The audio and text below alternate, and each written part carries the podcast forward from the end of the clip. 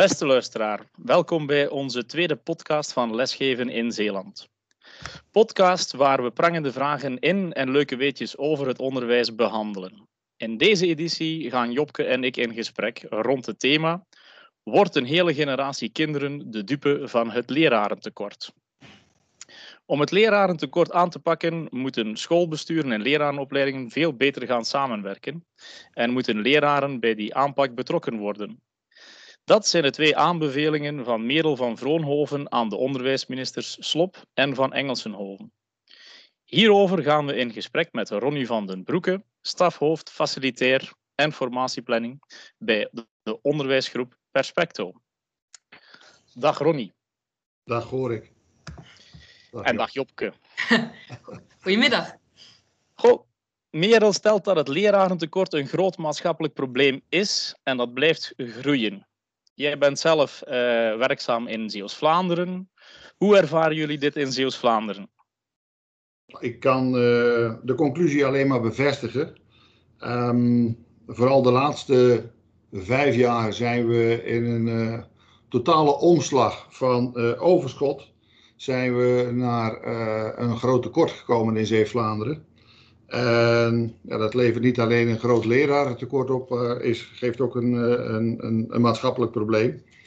Uh, waar we voor vijf jaar door krimp en de beperktheid aan middelen um, een sociaal plan moesten hanteren, hebben we nu door extra middelen vanuit het ministerie en ja, meer mogelijkheden binnen het onderwijs en ook minder aanmeldingen bij de PABO, een lerarentekort. En wij voorzien dat dit de komende jaren aanhoudt wanneer we niet actief acteren op, uh, op dit probleem. Goh, een, een nijpend probleem. Je mag jezelf dan voorstellen, is, is dat altijd zo geweest? Is er altijd, want het lerarentekort is nu al, al, al jaren, uh, wordt het geroepen. Uh, toch heb je nog altijd mensen die zeggen van, ik wil leraar worden en ik geraak niet aan de bak. Is het fenomeen van nu, Ronnie? Of, um... Nou, ik mag inmiddels 42 jaar in het onderwijs werken en ik ben in 78 afgestudeerd. En toen heb ik vrij snel een baan uh, gekregen. Echter, de tweederde van onze opleiding heeft een andere weg gekozen. Ook al in die tijd omdat er geen werk was. Toen was er ook sprake van krimp. Nou, vervolgens uh, kiezen veel studenten niet voor het onderwijs, ook al ligt daar misschien hun ambitie en hun passie.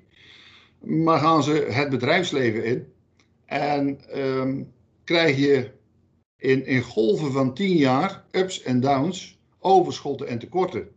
Dus het is van alle dag. En het heeft ook te maken met, uh, zoals ik het nu de laatste jaren ervaar, tussen 2010 en 2015 werd er heel weinig extra gefinancierd. En heeft men het lerarentekort veel te laat zien aankomen. Er is daarna echt voor onze organisatie 1 miljoen bijgekomen. Aan, met extra werkdrukmiddelen. Maar achteraf. En dat betekent dat je je 20 FTE's die je mogelijk voorzien had om uit te laten stromen. Dat je die aan de andere kant nu uh, kunt behouden uh, mensen door kunt laten stromen. En er geen aanbod is, omdat mensen niet voor de PABO hebben gekozen of voor de lerarenopleiding. Dus ik zou ervoor willen pleiten om die golven te nivelleren en daar continu rekening mee te houden.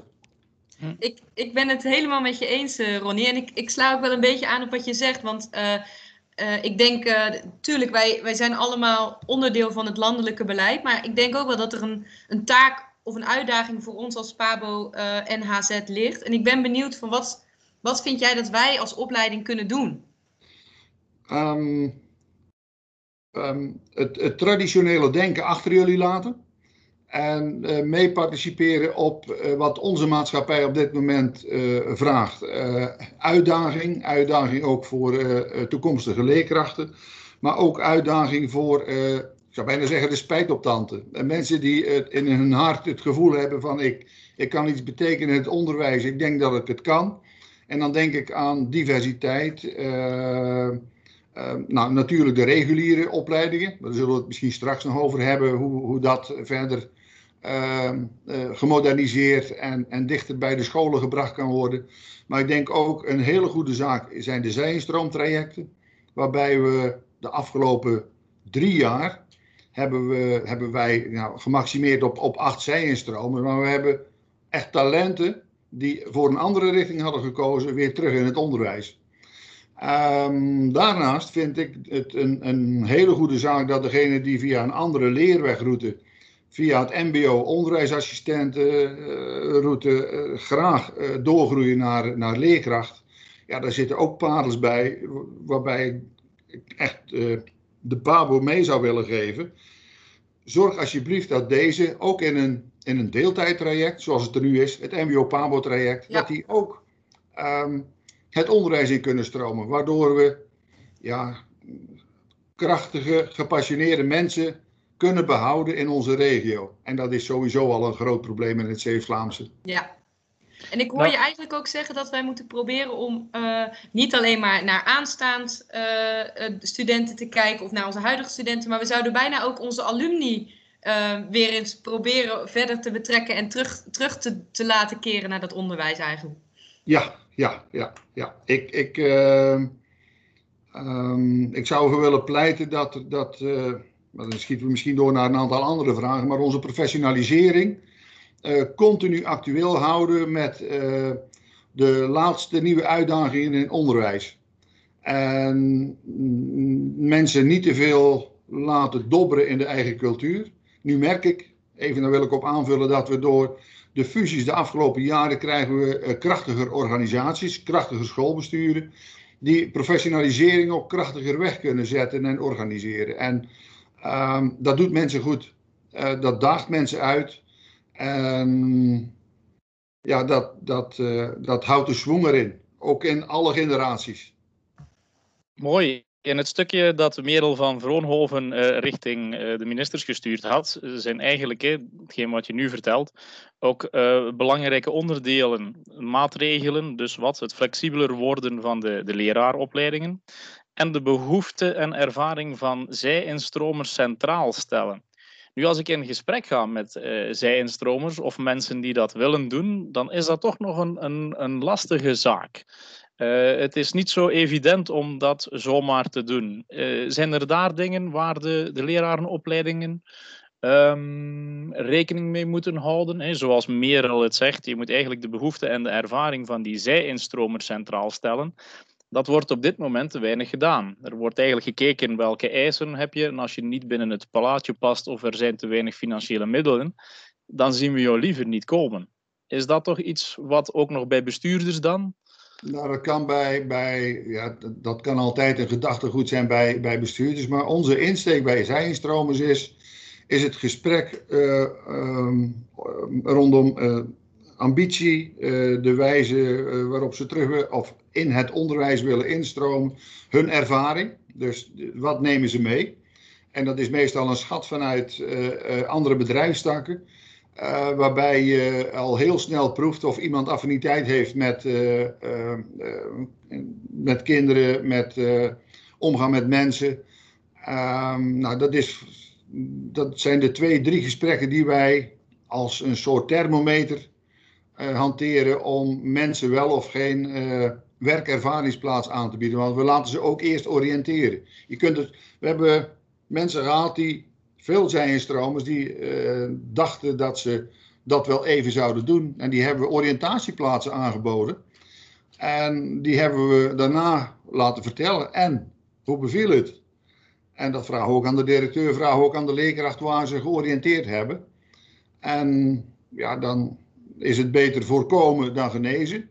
Of mensen worden juist heel enthousiast. En dat krijg je dan ook terug van de directeur en van de leerkrachten. En die, uh, ja, die uh, bieden wij graag een kans. Hm. En dat hebben we ook gedaan. En dat, gelukkig gebeurt dat. De accu is leeg, leeg aan het worden, staat er.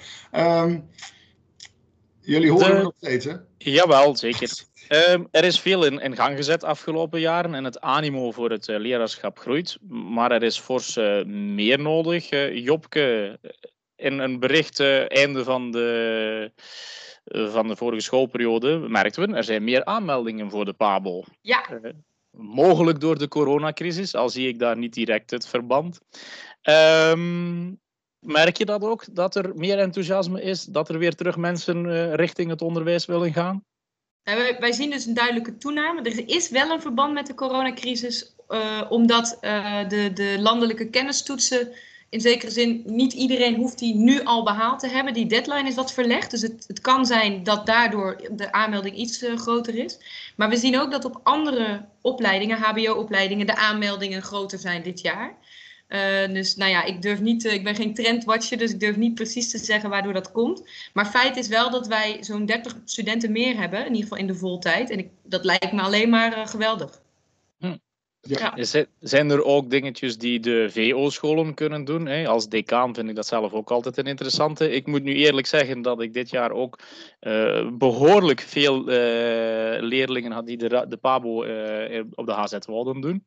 zijn er nog dingen waar wij ook een slag kunnen slaan richting meer mensen die naar het onderwijs kunnen gaan?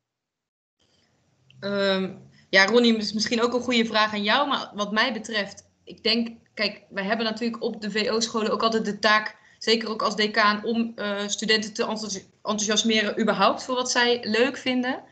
Um, en uh, ja, waar ik denk ik, waar zeker denk ik nog wat te halen valt, is misschien bij de, de VWO-leerlingen. Uh, want wij zien dat de instroom daarvan heel laag is. En mij, ik was zelf ook een VWO-leerling, mij was het echt denk ik wel goed bevallen als iemand tegen mij had gezegd: Goh, zou jij niet voor die klas willen gaan staan in plaats van per se een universitaire opleiding te doen? En zou jij niet iets wat meer praktisch willen gaan doen? En ook om te laten zien dat er allerlei doorgroeimogelijkheden nog binnen zijn. Dus nu even vanuit mijn eigen ervaring denk ik, nou daar is misschien nog een slag te winnen. En de initiatieven die jij hebt ontplooid om mensen te laten meelopen binnen het onderwijs en zo, nou ja, dat, dat lijkt me alleen maar dingen die we zeker moeten, moeten ja, verder zetten. Um, leuk dat je ernaar refereert, uh. En ik moet ook zeggen dat uh, mijn, mijn leerlingen daar heel positief op gereageerd hebben. De, de dagen dat ze echt meegenomen werden uh, binnen de scholen, zowel de PO-scholen als ook de, de VO-scholen. Maar dat er ook met hen alvast in gesprek uh, gegaan zou worden. Wat kunnen wij als, als organisatie, als, als scholen in Zeeland uh, voor jou betekenen en wat zijn jouw perspectieven? En um, dat is zeker een, een winst die op de VO-school gemaakt kan worden, omdat nu is het bezoek maar de open dagen. Um, maar eigenlijk merk ik zelf dat um, je leerlingen heel persoonlijk moet benaderen om je verhaal echt kwijt te kunnen. Als een decaan het zomaar vertelt, dan kunnen, durven ze wel eens knikken en zeggen van ja meneer, u zal wel gelijk hebben. Maar als je binnen een school meegenomen wordt in een verhaal, wat houdt het allemaal in, wat is het dagdagelijkse leven en zo.